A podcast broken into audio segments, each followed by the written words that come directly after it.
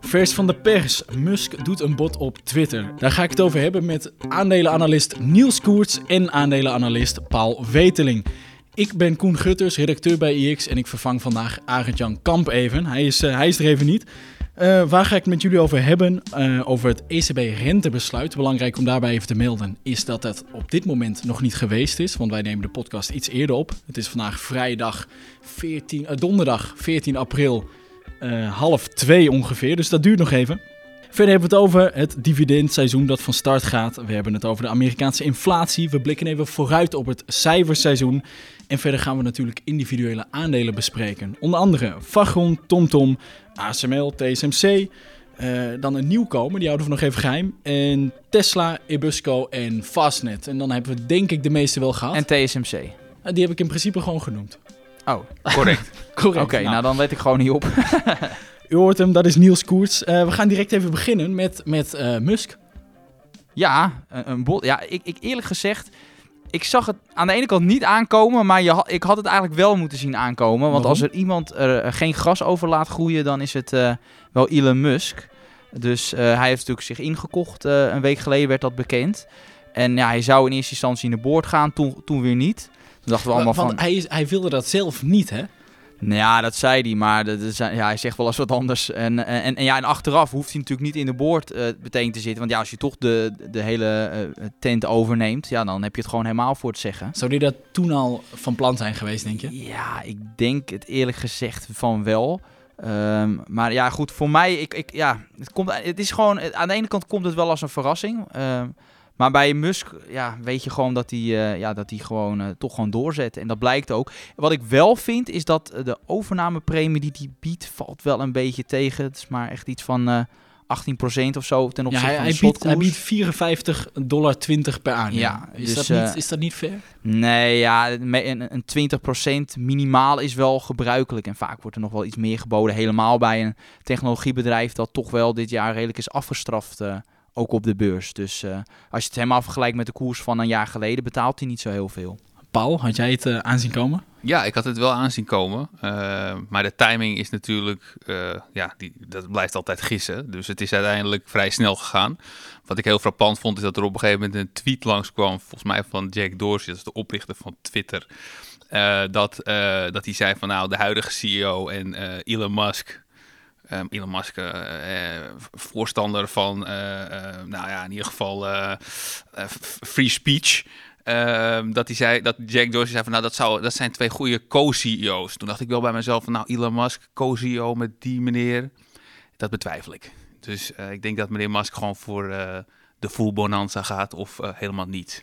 Maar een, een, een, snelle blik op de rekenmachine laat zien dat hij ongeveer 43 miljard dollar zou neertellen voor dit bedrijf als dit doorgaat zelfs voor iemand met zijn vermogen is dat echt een hele, hele som geld. Ja, inderdaad. Maar ja, blijkbaar heeft hij er wel... Hij heeft wel echt heel veel met, uh, wat ik zei, van uh, dus de uh, vrijheid van meningsuiting en een goede, een goede, um, ja, een goede manier waarop zo'n platform werkt. Dat, dat, dat, dat nieuwsberichten niet onderdrukt worden en dat er op een soort van faire manier geselecteerd wordt binnen die nieuwsberichten die op zo'n platform, dat het algoritme, hoe dat hoe dat uh, ja, prioritiseert, zou ik maar zeggen. Dat, dat dat goed in elkaar zit. Dus dat, niet, dat het niet uh, uh, te veel één kant op leunt. En daar, daar, daar heeft hij blijkbaar, om, om dat te bewerkstelligen, heeft hij blijkbaar flink wat geld voor over. Hij is daar blijkbaar erg mee begaan. En ik denk dat dat ook wel goed nieuws betekent voor Donald Trump. Want ik sluit niet uit dat als hij het voor het zeggen heeft dat meneer Trump weer terug mag komen. Meneer Trump mag terugkomen, dat is bijna zeker. Maar, maar ja. nog even, want Musk die heeft verder natuurlijk nog Tesla, SpaceX. Dat zijn dan niet te veel dingen om op te, op te focussen. Dat zijn namelijk ook geen kleine bedrijfjes die je even naast doet. Nee, maar ik zou het wel, ik zou het wel erg. Ik, ik vind het te naïef om te denken dat hij inmiddels daar niet zijn zaakjes dusdanig goed op orde heeft. Met mensen die hij daar heeft zitten waar hij vertrouwen in heeft. Dat hij nu zijn aandacht te veel gaat verspreiden en uiteindelijk dat alles in het water valt. Dat vind ik echt een veel te naïeve gedachte. Dus ik denk dat hij. Uh, hij kan sowieso veel meer aan dan de normale CEO. Dat, dat, ja, dat is niet om uh, hem de hemel in te prijzen. Maar dat, ik heb veel van de man gezien en gelezen. En dat is. Uh, nou, ik, ik, ken niemand die dat hem nadoet, dus dat is heel simpel. Ook niet uh, andere CEO's. Um, maar ook gewoon, zou ik maar zeggen, dat hij uh, mensen heeft gevonden waar hij gewoon vertrouwen in heeft. En dat hij ja, blijkbaar daar nu ruimte ziet in combinatie met hoe belangrijk hij het vindt om dat toch te doen. Niels, ik neem aan dat jij uh, straks nog even uh, een stukje gaat schrijven over Twitter. Ja, ik zal er nog een, even een vervolg op schrijven. Ik zal er nog even wat dieper naar kijken, want het is echt uh, pas net uit het, het nieuws. Dus ja. ik ga er gewoon even nog naar kijken en dan komt er een stukje op de site. Ja, dat kunt u vinden als u EX Premium lid bent, vindt u dat op EX.nl. Meld ik direct even dat deze podcast mede mogelijk gemaakt wordt door EX Premium. Voor nog geen twee tientjes per maand kunt u Niels een stuk en alle andere stukken lezen. En ontvangt u een, een EX Magazine twee wekelijks op de deurmat. Dan gaan we verder met het ECB-rentebesluit. Dat is later vandaag, uh, komt dat. Niels, wat zijn jouw verwachtingen? Nou, de verwachtingen zijn zelf dat ze eigenlijk niet zo heel veel gaan doen. Als je echt kijkt naar de verwachtingen voor de rest van het jaar, dan zegt de markt van die prijst in twee renteverhogingen aan het einde van dit jaar. Dus dat dan de rente ja, richting nul gaat. Want op dit moment moet je gewoon als bank betalen om je geld bij de ECB te stallen. En dat wordt dan uh, ja, glad gestreken. Dan dus lopen ze toch een beetje achter op de Fed. Ze lopen zeker achter, ja. Dus, uh, maar goed, ja, de, de ECB is natuurlijk ook, ziet toch wat, heeft een ander mandaat dan dan de, dan de Fed. Je ziet, je ziet bij, bij de ECB toch ook dat nou, politiek daar wel meer een rol speelt, zeker sinds de komst van Lagarde. En ja, die willen toch de zuidelijke landen erbij houden. En ja, ik geloof Italië heeft een schuld van 150% van zijn bruto binnenlands product. Ja, dan wil je niet dat dat, dat, dat soort landen een hele hoge rente moeten betalen. En, dat gaat hem niet worden. Nee, en zelfs bij de Fed zeggen ze al, we zijn behind the curve, dus we lopen achter. Dus ja ja, de, ook de ECB moet uiteindelijk wat gaan doen. Ja, want in Amerika is nu uh, de inflatie opgelopen tot 8,5 procent. Paul, uh, is dat nog tijdelijk? Ja, ja, het is misschien uh, gek dat ik, dat ik het zou zeggen. Ik zal veel mensen daarmee tegen de borst stoten. Maar ik denk nog steeds dat het tijdelijk is. Ja, maar wat, Is, wat, wat is tijdelijk dan volgens jou? Nou ja, kijk, we moeten niet vergeten dat inflatie net zo snel kan komen of kan gaan als dat het is gekomen. Dus op het moment dat die economie sterk afremt. En, en, je hebt ook nog eens dat, dat, die supply chain issues. Ja, en dat is, dat, dan vraag je natuurlijk vragen van ja, oké, en wanneer gebeurt dat dan? Ja, dat weet ik niet. Maar het kan heel snel uh, weer de goede kant op draaien. En de Fed is altijd behind the curve, want ze reageren. Ze anticiperen niet op, op inflatie, ze reageren erop. Dus je zit sowieso altijd behind the curve. Ja, oké, maar je kunt er wel iets nauwer uh, op zitten dan, dan dat het nu wellicht is. Ja, maar vergeet niet, ik denk, ik, denk, ik, ik, ik luister vaak naar, uh, naar, die, uh, naar die vergaderingen en ik, ja, misschien klink ik nu naïef, maar ik, ik vind dat zij, uh, ik denk dat zij echt goede data hebben. Ik denk dat ze er echt wel bovenop zitten. En natuurlijk is het voor, voor ons heel makkelijk om dan, als het dan uiteindelijk wel uit de hand loopt, te roepen van ja, zie je wel. Maar ik denk echt wel dat zij op basis van hele goede data die beslissingen nemen. Dus, ja, en de kerninflatie ligt natuurlijk wel echt lager dan het officiële cijfer. Daar moet je ook wel rekening mee houden. Als je corrigeert voor de energieprijzen, ziet het beeld er wel uh, echt anders uit. En dan zit je ongeveer op 3%. Nog steeds te hoog. Kijk, en het risico is wel dat uh, werknemers natuurlijk een hoger salaris, echt wel een behoorlijk hoger salaris gaan eisen. omdat zij gewoon qua koopkracht heel fors achteruit zijn gegaan. Ja, dan kan dat misschien leiden tot een loonprijsspiraal uiteindelijk. Dat is wel een risico. Dan zijn de poppen echt aan het dansen. Uh, zeker. Hey jongens, volgende week start uh, het dividendseizoen. Um, de bedrijven die jaarlijks dividend uitkeren doen dat meestal in april en mei. Zo ook Ahold en KPN. Niels, jij zit in Ahold. Ja, ik zit in Ahold, dus uh, ik geloof dat het dinsdag is. Ik weet niet helemaal uit mijn hoofd, maar volgende week uh, zullen die uh, ex-dividend gaan. Nou, dan het deel wat, ze, wat je als belegger krijgt aan dividend, dat zal dan ook van de koers afgaan. Wat ik wel, uh, wat het extra interessant maakt, het dividend is op lange termijn echt een heel belangrijk trigger van het belangrijk onderdeel van, van de koers, van de, de totaalwinst dat je maakt als belegger. Als je het herbelegt. Als je ja, ook, maar gewoon het is echt een onderdeel van het, van het rendement op lange termijn. En ook een mooi voorbeeld is van de AX, is sinds 1983 is die opgericht. En toen, dat begon toen met 100 punten. En uh, dat, de AX staat nu op 700 punten. Maar wij als analisten kijken vaak naar de herbeleggingsindex.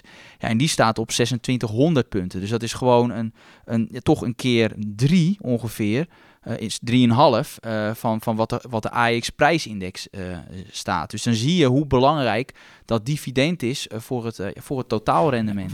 Wat zei Einstein ook alweer ooit eens over? Dat was toch compound interest is the strongest force in human nature of zo? Ja, dat is, het is het zoveel, x, zoveelste wereldwonder of oh, zo. Dat, ja, genoemd, ja, ja. Als hij dat al zegt, dan Daarom, zal nee, er maar wel dat is echt van een- waarheid in eh, zitten. eh, Wij beleggers zijn, of tenminste met name weet ik, bij particuliere beleggers zijn heel erg gericht voor de, voor de koerswinst om dat te maken. Maar ook, let ook echt op dat dividend, want dat is gewoon een heel, eh, Wat heel je nog wel belangrijk even iets. moet vermelden is dat, dat je dan ook eventjes 37 jaar of 38 jaar of 39 jaar Tuurlijk. geduld had moeten hebben. Tuurlijk, nee, En tuurlijk. er in de tussentijd niet aan kon komen. Eh, nee, maar je, het is uiteindelijk, maar we beleggen uiteindelijk ook voor de lange termijn. En ik geloof dat die periode Nou ja, van eh, 38 jaar, dat is natuurlijk, dat is ongeveer, eh, wij zijn vrij jong, hè, ongeveer, eh, nee, ik ben 27, jij bent 35. 35. Nou ja, dan zit je, eh, ik geloof dat als wij met pensioen gaan, moet je 73 zijn. Dus nou, dat is ongeveer. Ik reken die- nergens op. Daarom, oké. Ja. dus dat is wel die, eh, eh, ja, die periode wat je, eh, ja, wat, je, wat je nog te gaan hebt. Dus dat is, ja, het is toch wel een, een belangrijk verschil. Ja, alleen ik heb toch het idee dat eh, de gemiddelde belegger een iets eh, kortere geduldspanne heeft. Ja, Eh, dan, we dat we doen klopt. nu heel makkelijk over. Maar toch, ik denk dat het in de praktijk iets Ja, anders maar gaat. daarom willen we dat wel benadrukken, dat Ja, het echt gaat om, om lange termijn. Zeker. Helder, dan gaan we maar door naar de individuele aandelen. Te beginnen met eh Fagron. Ik denk het belangrijkste, het belangrijkste aan de cijfers van Fagron was, was denk ik de oh, omzetgroei. Ja, omzet was veel beter dan, eh, dan verwacht. Ik ben toevallig de analist van Vagron, zit ook zelf in het aandeel. Zijn er al best wel een tijdje positief over. In het begin wilde het niet helemaal vlotten met de koers. Maar nu eh, zie je dat de koers aardig omhoog gaat. En dat zie je ook, ook aan de cijfers. Die zijn echt beter dan verwacht. Omzetgroei van 16%. Dat is echt beter dan de 12% eh, die, ja, waarop de markt rekende. Was je verrast? Eh, nou, je weet nooit eh, als het gaat echt om kwartaalcijfers of een bedrijf beter gaat presteren. Dus wij- kijken altijd wel naar het, wat meer het lange termijn plaatje. Dus, eh, dus dat ja, in principe wel verrassend dat het zoveel beter is dan verwacht. Komt wel deels ook door valuta meevallen. Zij zijn een deel, het is een medicijnbereider. Dus zij bereiden ja, steriele be- bereidingen van, van medicijnen. En eh, ze zitten onder andere in Latijns-Amerika, dus in, eh, in Mexico, Brazilië. Ja, daar wilde het valuta nog wel eens eh, ja, bewegen. En in, in de coronacrisis gingen die munten verloren heel veel in waarde, waardoor dus de omzet wordt gedrukt van Van. En nu zie je dat die, ja, dat die wisselkoers aan het herstellen is en dat dat helpt hun ook in hun omzet. Dus een aandeel wat eigenlijk niet, weinig mensen in geïnteresseerd zijn, maar ik vind het echt een interessant aandeel. Dus misschien interessant om te volgen. Eigenlijk ook een heel klein beetje een belegging in opkomende markten. Ja, ook onder andere. En, ja, en, je, en, je, en ze zitten ook wel in een, in een markt die op lange termijn eh, groeit. Dus dat maakt het interessant. Dan gaan we naar een ander aandeel, TomTom. Eh Paul, jij bent eh, analist van TomTom. Mhm. Eh, ik moet eerlijk gezegd bij TomTom altijd denken aan, aan die grote lompe koelkasten die je in je raam plakte 15 jaar geleden toen die nog hip waren. En ik denk dan, ja, iedereen, iedereen zit toch nu gewoon, eh, heeft, een, heeft een navigatie-app op zijn telefoon of zo. Wat, wat, wat Mhm. doet TomTom hier nog? Ja, dat is Is goeie- dat te kort door de bocht? Nou, het is eh, wel een deel van het verhaal natuurlijk, maar het is wel te kort door de bocht. Kijk, toen, toen Tom Tom die, die, die koelkasten waar jij het over, eh, over hebt maakte, toen was het echt een beurslieveling. De koers stond toen, eh, als ik het goed heb eh, eh, omgerekend naar de huidige koers, boven de 80. Nou, we staan nu op, op 7. Het was een AEX-fonds en ze namen toen in die tijd Tele Atlas over. Dus dat was ook, dat was ook een, een, een AEX-fonds. Dus een AEX-fonds dat een AEX-fonds overneemt. En nu zit het in de small cap. Zo hard kan het gaan. Nou, Tele Atlas heeft het dan goed gedaan, want de, die, die overname daarvan die is tot op het bot afgeschreven. Dus Gewoon helemaal niks aan verdiend. Daar is weinig aan verdiend, denk ik. Ja, ik denk natuurlijk zijn die maps wel gebruikt in die, in die koelkasten dan, zal ik maar zeggen, waar we dan net over hebben. Eh, en nog steeds produceren ze nu wat kleinere, subtielere eh, losse navigatie-units. Wat overigens eh, steeds minder wordt natuurlijk. Wat je ook zegt, kan ook op telefoon en, en dit en dat. Maar ja, ze, zitten nu meer in op de auto van de toekomst. Dus ehm, ja, autonoom rijden, eh, eh, perfecte mapping, eh, allerlei points of interest waar je kunt laden, hoe lang het duurt van de ene point of interest naar de andere. En dan, Is, is het dan een overnamekandidaat? Ja, dat is het al heel lang, maar eh, ondertussen dan, eh, dat duurt in, ondertussen zo lang dat, dat, dat, dat je met een kijk, dat Die koers staat al heel lang eigenlijk stil. Dus eh, hè, er zit veel cash in. Ze hebben, een goede, ze hebben een goede verkoop gedaan van een ander onderdeel. En daarmee kunnen ze dit eigenlijk heel lang nog uitzingen. Ze hebben geloof ik 330 miljoen aan netto kas, eh, ja, aan een netto kaspositie. Ja, en dan kan je, kan je rustig kan je een klein beetje bloeden. Want ja, voordat dat op is, ben je wel weer een paar jaar verder. En wat vond je van de cijfers van, van het eerste kwartaal? Ja, die waren vanochtend. Eh, beleggers die kozen gisteren al het hazenpad. Want eh, de koers ging al 8% onderuit voor de cijfers. Omdat het de laatste drie keer keihard onderuit ging op de cijfers. Dus nu was het nu een dagje eerder. Eh, dus vandaag valt het mee. Vandaag stond het heel even in de min, toen weer even in de plus. Het was eigenlijk eh, ja, vrij snel weer vereffend, die cijfers, zeg maar. Het was De- vooral die kaststroom, die was echt slecht hoor. En die Castro, die was inderdaad slecht. Die zat zelfs onder, eh, die zat nu al, zat er nu al bijna.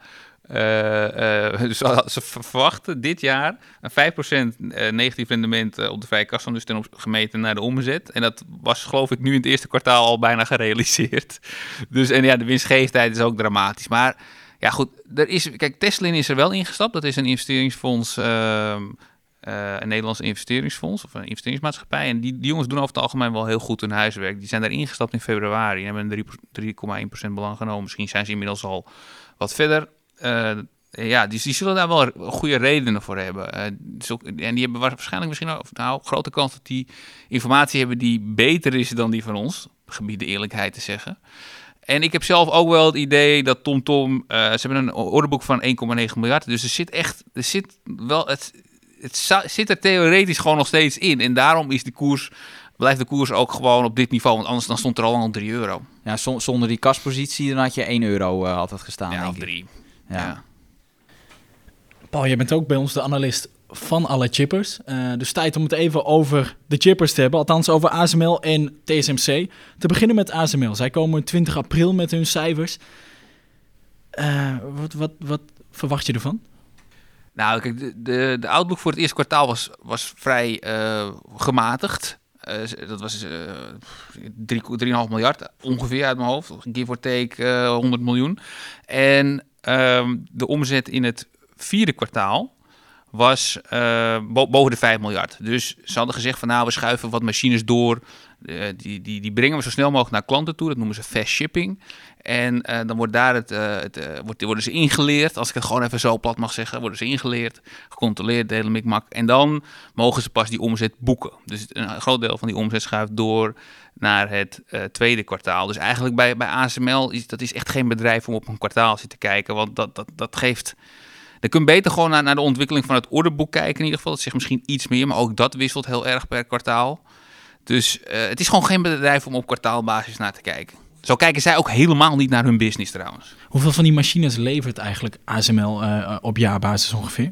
Poeh, dat is een goede vraag. Ik weet dat het van de EUV-machines, dit- dat ze dit jaar mikken op tussen de 50 en de 60. Ehm, maar van die Deep UV-machines zijn het er waarschijnlijk nog veel meer. Dat weet ik niet uit mijn hoofd. Maar die, Maar 50, 60, dat lijkt natuurlijk heel weinig. Maar als je ziet natuurlijk die wat kost iets van 160 miljoen per Ja, dat stuk. zijn Ja, en, en, en, ook het transport en het, het hele gebeuren eromheen, die hele supply chain eromheen, dat is natuurlijk echt gigantisch. Zo'n ding is enorm. Dus eh, De vraag rond ASML was een beetje of, of het de productie goed kan opvoeren nu.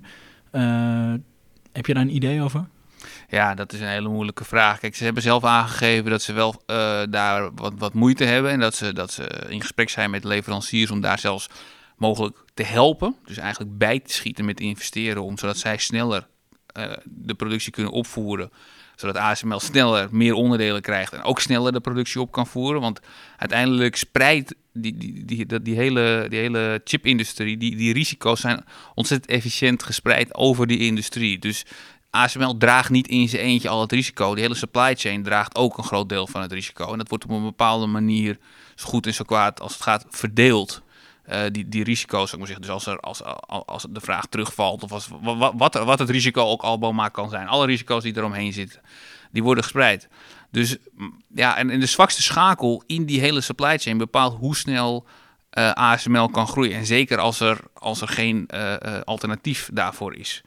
Dus ja, om dan nu te zeggen van ja, aan mij te vragen van eh, hebben ze, eh, hoe ver zijn ze met hun zwakste schakels en wat zij, dat, dat, dat gaat gewoon, dat, dat weet, dat Je, weet je weet ook niet wat die, wie die zwakke schakels zijn of welke nee, bedrijven nee, dat zijn. dat weet ik gewoon niet. Nee, je- je- Er gaan natuurlijk zoveel onderdelen Ja. in die machines. Dat is bizar. Ik weet wel dat bijvoorbeeld Carl Zeiss met die lens, daar hebben ze ook een belang in dat dat een hele belangrijke eh toeleverancier is. Maar ja, dat is, er maar, dat is wel van een heel belangrijk onderdeel. Maar er, zal vast nog, er zullen vast nog wel veel onbekende onderdelen van die machine zijn die ook heel belangrijk zijn. Dus ja, dat weet ik niet. ASML is natuurlijk, eh, wordt vaak ge- genoemd als het eh heer en meester in, in die sector. Ehm, kijk, die supply chain, daar kunnen zij in principe ook niet heel veel aan doen. Zijn er nog verbeterpunten bij ASML of doen zij echt alles goed? Nou ja, kijk, wat, dat heeft CEO ook wel eens gezegd. Ehm, wat, wat, wat zij eh, heel vaak niet goed hebben gedaan, of in ieder geval tekort hebben gedaan, is gewoon vertrouwen hebben in de groei van het vraag naar chips. En daardoor toch te voorzichtig zijn geweest met, met investeren.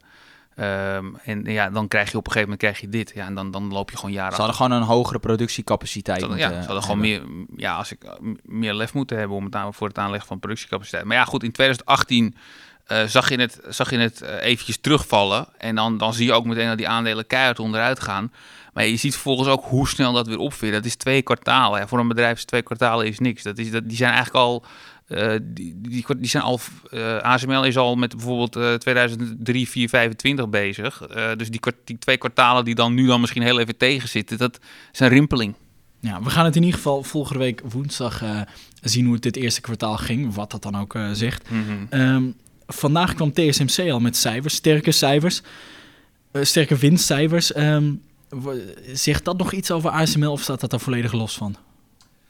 Nou ja, goed, het is, het is natuurlijk, het, eh, vooral het commentaar uh, zegt wat. Want, want die cijfers zelf die zijn natuurlijk al van een kwartaal uh, geleden. Dus van, afgelopen kwartaal, dus januari tot en met maart. Dus kijk sowieso dan in het verleden. En daarnaast die machines die ASML, daar, die chips zijn gemaakt met machines die ASML in 2021 heeft geleverd, onder andere. Dus bij ASML, bij het orderboek van ASML kijk je veel verder in de toekomst dan als je naar de cijfers van TSMC kijkt. Dan kijk je eigenlijk in het verleden. Dus je kunt beter, uh, als je een, uh, een idee wil krijgen van of het goed of de goede of de verkeerde kant op gaat, kun je beter kijken naar het orderboek van ASML dan naar, de kwartaalcijfers van TSMC. Ja, maar het is natuurlijk wel zo dat het op zich, als de cijfers van TSMC goed zijn, betekent dat op zich ook wel goed nieuws voor ASML. Want uh, eh, ASML, of TSMC is de grootste klant van ASML. Ja, en dan hebben ze weer meer geld om machines te kopen natuurlijk. Ja. Daarom. En de outlook was ook ijzersterk. TSMC, die cijfers waren echt ijzersterk. De waardering is uh, vrij schappelijk. Dat is echt een, uh, een toppertje. Ja, het enige is dan dat er dan wel eens gezegd wordt van ja, misschien valt China binnen in Taiwan. Dat is wel een serieus risico. Ja, dat is een serieus risico, maar dat is echt een serieus risico voor de hele wereld. Dus ja, dan is het de vraag van, ja, maakt het je dan nog uit? Ik denk dat het uh, tijd is om naar de luistervragen te gaan. De eerste vraag is van Nino Hieltjes, vriend van de show kan ik bijna zeggen, want die stelt elke week ja, heel veel vragen. Um, dat doet hij via Instagram, dus wil je ons ook volgen, dat kan, IEX. Nou goed, Nino Hieltjes die vraagt Niels, wat is jouw visie op Ontex? Ja, Ontex, dat is een beetje het, uh, ja, hoe moet je het zeggen? Het jij, jij zit erin, hè? Ik zit er zeker in, uh, ook met verlies hoor, laat dat, uh, laat dat duidelijk zijn. Um, ja, Ontex zit gewoon ja, precies in de, hoek van de, in, de in de hoek waar de klappen vallen. Ik bedoel, het is een bedrijf met relatief weinig pricing power, dus die, het is voor hun heel moeilijk om, uh, om die stijgende kosten om dat volledig door te berekenen. Ze hadden al flinterdunne marges, dus ja, en wat, wat er dan gebeurt is dat, dat je als bedrijf heel makkelijk uh, de rode cijfers inbelandt. En dan hebben ze ook nog een keer een hoge schuldgraad. Dan zou je denken, allemaal negatief nieuws. Waarom heb je zelf die aandelen?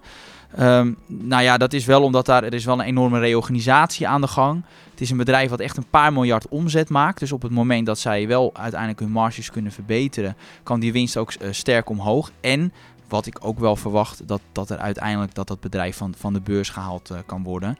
En dan zal dat een hele andere premie zijn dat er wordt betaald dan bijvoorbeeld ten opzichte van Twitter. Want dan ga je waarschijnlijk al eerder richting de 10, 11 euro. Nou, op dit moment staat het, staat het aandeel 6,80 euro ongeveer. Dus, dus, daar ligt gewoon heel veel kans. Dus als, Ontex is wat mij betreft wel een van de meest kansrijke overnamekandidaten die er zijn. Maar pas hier wel mee op, want dit, zijn gewoon, dit is gewoon een aandeel met een zeer, zeer hoog risicoprofiel omdat, ja, jij blijft voorlopig dus wel. Ja, met een kleine, kleine. Ik heb ongeveer uh, iets minder dan 2% van mijn portefeuille zit in dat aandeel. Dus dat, dat geeft ook aan dat, dat het beperkt is, omdat ik dat aandeel heel erg risicovol vind. Dan vraagt Dennis, um, ik denk dat die voor jou is, Paul. Oh, Als de inflatie eruit loopt, zakken de rentes dan weer zodat tech weer interessant wordt of niet? Nou ja, wat, wat je dus vaak ziet is dat als de inflatie uh, begint dan te dalen, dan is de vet nog aan het verhogen. Dus, want dat, dat loopt ook achter. Dus de vet die zal dan nog één keer of twee keer verhogen totdat ze echt zeker weten van oké, het gaat dalen. Uh, dan pas uh, gaat de, de, de rente van de vet dalen. Als de, als de vet de rente begint te verlagen, dan kun je ervan uitgaan dat de marktrente ook gaat dalen. Dus zo zit dat. Kijk, het is dus wel zo dat, uh, dat de tech sowieso gewoon interessant is. Alleen de waarderingen zijn gewoon staan nu onder druk. De winsten, ik zie, ik zie nog niet echt de winsten heel erg onder, onder druk staan. Eigenlijk helemaal niet. Dus uh, sowieso niet bij de chippers. Uh, maar dat, dat is natuurlijk ook logisch omdat daar een enorme overvraag was. Dus ja, die, die, dat, dat zie je niet omdat er uh, te weinig capaciteit is. Dus als er dan wat van die te veel aan vraag wegvalt, dan, dan zie je dat dus niet. Maar uh, ook, ook gewoon elders, de winstverwachtingen zijn echt niet dramatisch of zo. Dus daar zit het probleem niet. Het probleem zit er natuurlijk wel. Dat als je een hogere marktrente hebt, ja, dan wordt er gewoon een minder aantal keren winst betaald. En dat, dat gaat heel snel. Want die, we hebben gezien hoe snel die inflatie dus oploopt. En dat werkt dus ook heel erg snel door in die waarderingen. Dus op die manier kan de waardering kan eigenlijk veel sneller wijzigen dan de winst. En want die winst in principe hebben die eh, technologiebedrijven vaak praktisch bijna nooit echt heel veel schuld. Dus vaak net ook kaspositie. Dus de bedrijfswinsten hoeven er niet eens zozeer door worden geraakt. Maar het is gewoon, zit hem echt met name in die, in die waardering. Mhm. Ja, en, uh, en dat kan dus heel snel gaan. Maar wat, wat uh, meneer zegt, het kan ook heel snel weer de andere kant op gaan. En dan uh, worden die bedrijven ja, als het allemaal voor een ritje doet, dan worden die bedrijven dus op dat moment dan interessant. Maar ja, ik kijk er even met, door een wat uh, langere termijn bril naar. En dan, dan zijn ze nog steeds gewoon interessant. En ik ga er niet vanuit, wat, wat we eerder al besproken hebben, ik ga ervan uit dat het tijdelijk is. Dus ik ga er ook vanuit dat, uh, dat op een gegeven moment die, uh, die rente, die inflatie normaliseert. En dan, dan worden die waarderingen ook gaan, die waarderingen ook gewoon weer terug naar waar ze vandaan komen. Niet, misschien, misschien niet helemaal. Misschien gaan we niet terug naar een zo lage rente als dat we die een jaar geleden hebben gezien.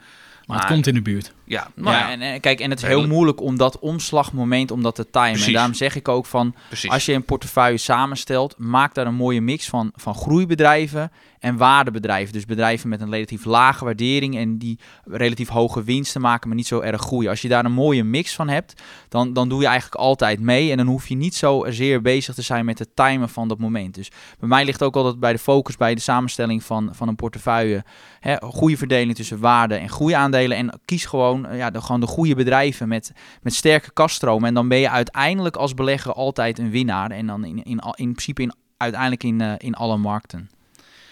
Dan vraagt Sarah nog, uh, nieuws voor jou. Kunnen partijen niet vlak voor dividenduitkeringen een short positie innemen om die dan direct naar dat bedrijf uh, ex-dividend gaat weer van de hand te doen. Dat is een geniaal plan, toch? Ja, dat is geniaal. Het is, uh, ja, als het zou werken, dan had ik het ook meteen gedaan. Maar er zit natuurlijk wel een addertje onder het gras. Want als je dat, dat gaat is. doen, nou, dat als jij short gaat voor zo'n uh, dividend, ja, dat die ex-dividend gaat, dan gaat de koers wel omlaag. Maar als jij een short positie hebt, dan ben jij dat dividend verschuldigd. Dus, dus stel, je bent aandeelhouder, dan krijg je het dividend.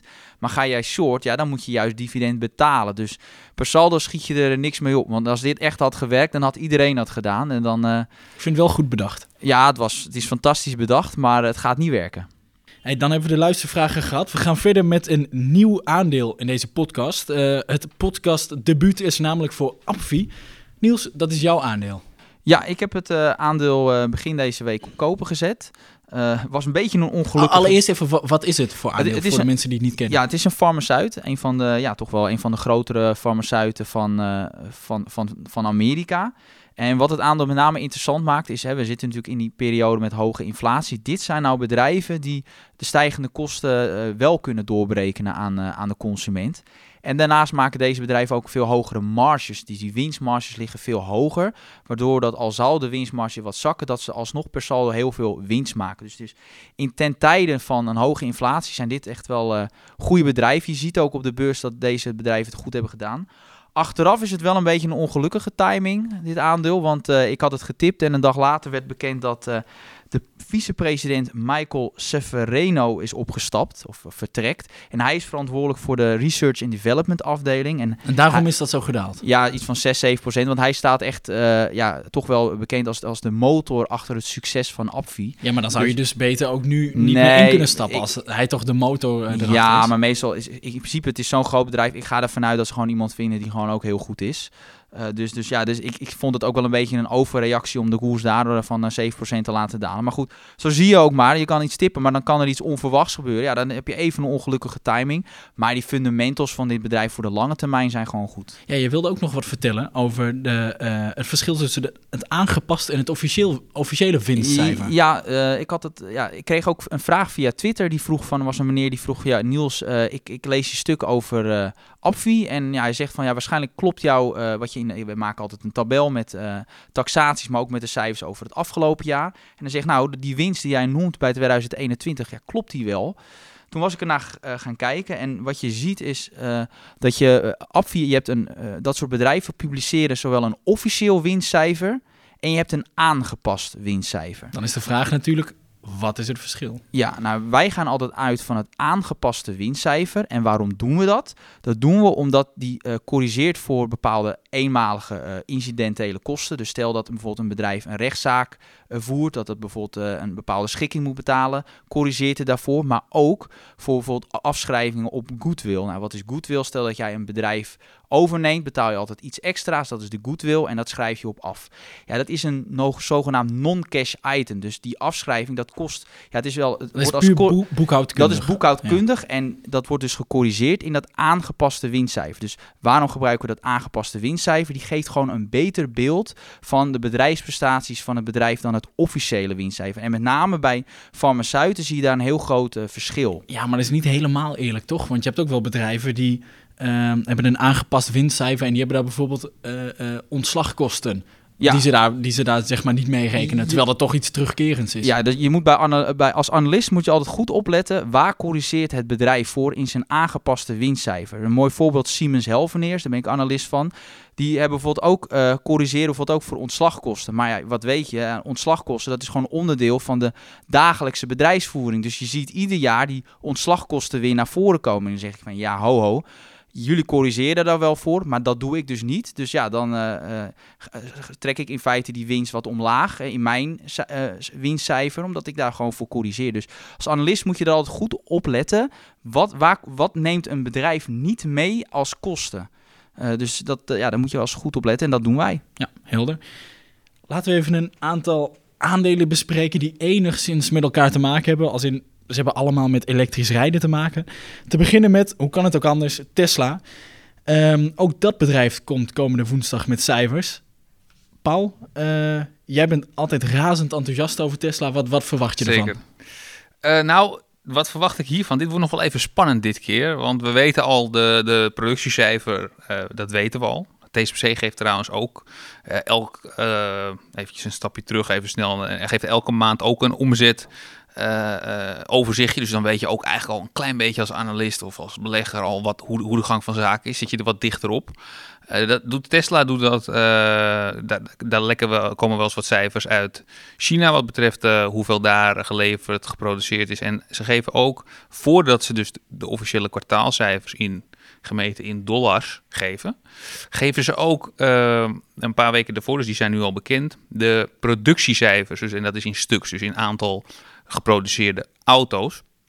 En omdat uh, de vraag naar die auto's zo sterk is, kun je, kun ervan uitgaan dat de het aantal geleverde auto's, waar de omzet dus op gebaseerd is, uh, daar heel dicht in de buurt ligt. Dus we weten al uh, wat, dat, wat dat is. Dat zijn 310.000 stuks.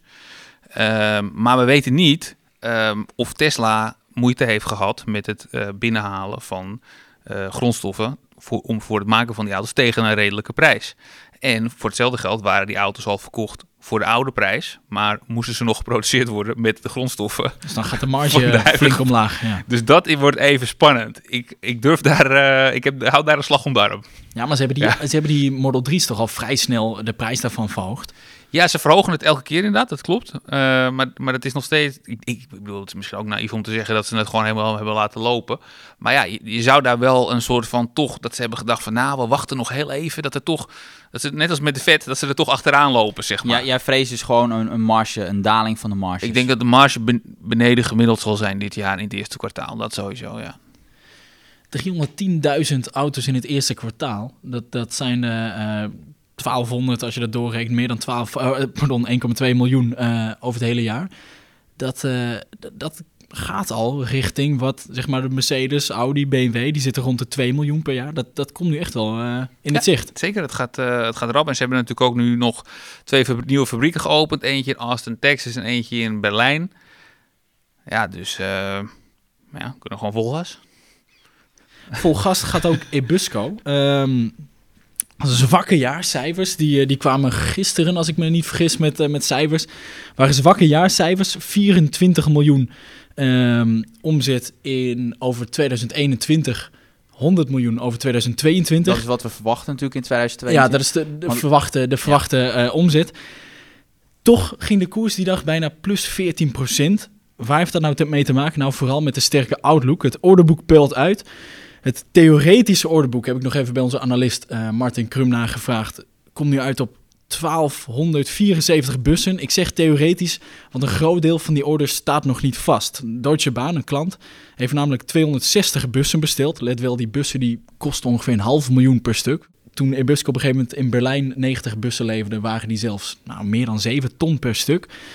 Um, maar Deutsche Bahn heeft er in ieder geval 260 besteld met een optie om nog 540 bij te kopen. Nou, waar hangt dat vanaf? Dat hangt allemaal vanaf of uh, Deutsche Bahn die concessies wint. Zij moeten concessies winnen en aan de hand daarvan uh, uh, bepalen zij hoeveel bussen zij überhaupt nodig hebben. Dus ja, een heel groot deel van het orderboek, dat is nog wel... onzeker. Onzeker, ja. Niels, hoe denk jij dat Ebusco het dit jaar gaat doen? Nou, je zult wel zien dat de cijfers dit jaar enorm zullen, zullen aantrekken. En wat ik met name ook interessant vind aan Ebusco is dat uh, ze, zijn nu al, ze worden waarschijnlijk dit jaar al winstgevend. En, wat ja, heel snel is. Ja, dat is redelijk snel. En dat komt omdat die marges op die bussen al, uh, al behoorlijk uh, goed zijn. De waardering is natuurlijk wel, je betaalt een relatief hoge multiple op dit bedrijf. Alleen dat is wel terecht, omdat ja, er is een, een, enorme energietransitie gaande. Ik bedoel, bussen die rijden nu op, op diesel. En ja, die, moeten, die omschakeling naar elektrisch rijden, die moet gemaakt worden. Dus er zullen in de toekomst gewoon heel veel orders bij komen. Nou, en daar zal ook Ebusco echt een graantje van meepikken. Dus er is gewoon heel veel groei mogelijk. Even voor de goede orde, ik zit in Ebusco. Ik ook. Jij ook? Hoe gaat het tot nu toe? Uh, ik, ja, ik heb zo'n beetje op de top gekocht. Ja, dat is echt knap. Ja, ik had eind vorig jaar of zo 27 euro. Maar hij, hij, hij, de trend is nu weer, uh, ja, weer stijgend. Nee, dat is waar. Dus ik geloof dat we allebei er te hoog in zitten. Ja, maar ik heb uh, gedaan wat ze zeggen. Losers, only losers, average losers. Nou, ik ben een loser, maar dat heeft volgens nog wel goed uitgepakt. Want je had voorbij gekocht op welk niveau? Ah, wat was dat? Net geen 20, dacht ik. En nu staat er 23, zoiets? Zoiets. Ja, nou ja, dat is goed. Ja, dus uh, over het algemeen moet je dat niet doen. Aandelen die in een enorme downtrend zitten om die bij te kopen. Uh, en zeker niet als het gaat om een relatief klein bedrijf. Maar goed, tot nu toe pakt het goed uit. Maar, uh, het ging er wellicht deels om, om mijn gemiddelde aanschafkoers ja, maar onder dat, die dat, van jou te krijgen. Ja, oké. Okay. Want dat is vaak waarom mensen middelen, zodat hun gemiddelde aankoopkoers omlaag gaat. Maar dat is... Uh, als je kijkt naar alle statistieken uit de, uit de, de, de, de wetenschap, hè, dat wordt allemaal bijgehouden dat dat een, een verlies, een hele slechte strategie is. Hey, zeg je elektrisch rijden, dan zeg je laden en dan moet je bij Fastnet zijn. Dachten veel elektrische rijders daar in Q1 ook zo over, Niels? Nou ja, vast net. Ja, ik, het viel me eigenlijk wel erg tegen. Met name de, de, de groei. Kijk, als je, als je kijkt 186% omzetgroei, dan denk je nou fantastisch. Alleen ze hebben heel veel uh, laadstations hebben ze erbij gebouwd. En uh, ze hebben ook nog eens keer sprake van een gunstige vergelijkingsbasis. Want in het eerste kwartaal van 2021 hadden we die, uh, hadden we die avondklok. Ja, maar zal dat echt veel invloed ja, hebben gehad? Ja, in die periode was gewoon, werd er gewoon minder gereden. Dus ja, dan uh, wordt er ook minder geladen. Zo werkt dat. Dus uh, ik weet nog dat ze in het, uh, toen bij de publicatie van de eerste kwartaalcijfers over 2021 klaagden nog over, over die avondklok. Nou ja, nu, nu hebben ze een gunstige vergelijkingsbasis. En dan hoor je dan het woord avondklok komt dan niet meer voor. Hoe, hoe ziet de toekomst van Fastnet er volgens jou uit dan? Ja, kijk, het, het, is, weet je, wat ik, mijn visie is nog altijd dat wij dat je als dat je toch liever je auto oplaat wanneer het jou uitkomt. Dus, dus thuis of bij kantoor, bij het winkelcentrum. En dat, ja, dat het toch een soort van derde keus is om, om langs de snelweg te gaan. Uh, ja, maar om, om, even advocaat van de duivel te spelen. Wij zijn samen naar Michiel Langezaal geweest, uh, naar Fastnet. Uh, voor een interview, ja, inderdaad hebben we dit natuurlijk ook voorgelegd aan hem. En daar zei hij dat uh, voor die ACC-palen heten het volgens mij, die bij winkelcentra staan en bij je thuis. Uh, daar is geen verdienmodel voor, want zo'n paal wordt direct... Wordt, daar komt iemand s ochtends bij het winkelcentrum als er drie palen staan, komt aanrijden en staat daar de hele dag. Nu kun je daar volgens mij sinds kort een boete voor krijgen. Ja, want er zullen wel strenge regels voor komen dat je er niet al te lang staat, want er moeten natuurlijk meer auto's daar kunnen laden. Nee, oké, maar of het, of het dat een, een verdienmodel maakt is een tweede. En... Um, waar hij destijds denk ik wel een punt heeft, is dat dat laden, dat, kijk, dat duurde een paar jaar geleden, duurde dat echt lang. Maar er komt straks gewoon een moment, dan laat je in vijf minuten 500 kilometer bij. Dan is het, dan is het praktisch hetzelfde als even naar de Shell om, uh, om wat benzine erin nee, te tanken. Maar ik, ik zeg ook niet dat het niet gaat gebeuren. Alleen, uh, ja, ik, ik, naar mijn mening is, het toch een derde keus. En wat je ziet is natuurlijk dat, dat concurrenten staan ook niet stil. Ik bedoel, Shell die heeft, uh, ja, die, die, die, die gaan ook gewoon een laadnetwerk natuurlijk uh, beginnen. Je hebt de Ionity, dat is natuurlijk een samenwerking van verschillende Duitse auto eh, bouwers. Dus, dus eh, ze zullen niet de enige partij zijn. En, en voordat zij echt winstgevend zijn, Nou, ja, dat moeten duurt die, nog wel moet- even. Hè? Ja, dan moeten die, die, die, eh, moet die bezettingsgraad van die, eh, van, die laat, van, die, van die laadstations, dat moet echt structureel omhoog. En ja, daar heb ik mijn twijfels voor. En het bedrijf is nog zwaar verlieslatend. En Je bent geen fan. ik ben geen fan, want je betaalt daar iets van 650 miljoen is de, is, is de market cap.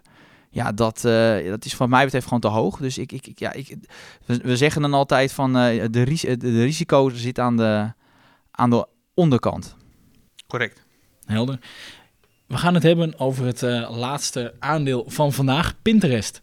Niels, jij bent die voor het eerst gaan volgen, toch? Ja, dat klopt. Ik heb, eh, heb het aandeel, ja, wij, wij volgen als beleggersdesk, eh, hebben een x aantal aandelen die we volgen. En dan in de loop van de tijd vooral, hè, dan voegen we een aantal aandelen toe waarvan wij denken dat die eh, kansrijk zijn.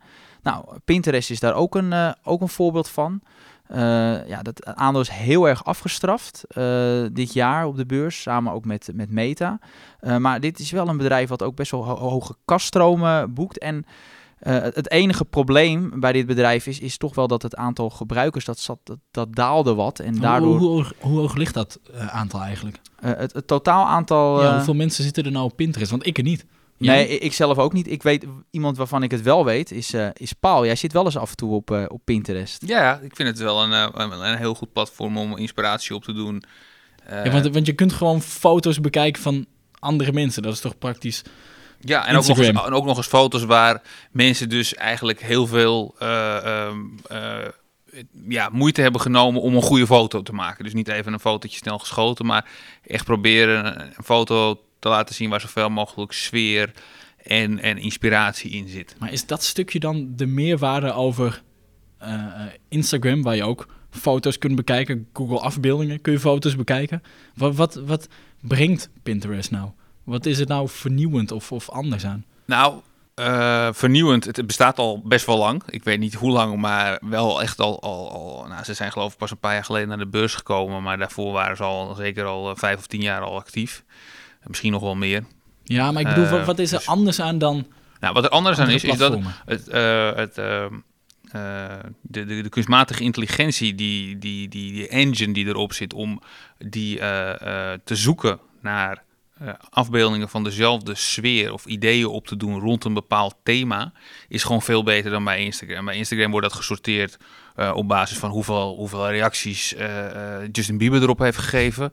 En eh, bij eh, Pinterest gaat dat veel meer op basis van eh, eh, eh, hoe- hoeveel, ja, ook natuurlijk wel hoeveel, hoeveel likes een foto heeft gekregen. Maar ik denk dat, als mijn ervaring is dat er ook gewoon eh, minder eh, bekeken foto's bijgezet worden, maar die wel gewoon veel meer passen bij het thema waar jij naar zoekt. Dus je krijgt eigenlijk gewoon een, een, een meer een, een, een, een, een- beeld wat gericht is op eh, waar, waar jij echt naar zoekt en, en alles wat daar omheen is. En je ziet het in één keer, dus je ziet in één keer een boord. Hè? Dus niet één fotootje, maar je Ja. ziet in één keer een heel boord van foto's. Bij Instagram zie je maar één foto. Dat, dat is dan trouwens wel weer, als dat zo erg gericht is eh, op het individu, is wel weer interessant voor adverteerders, neem ik aan.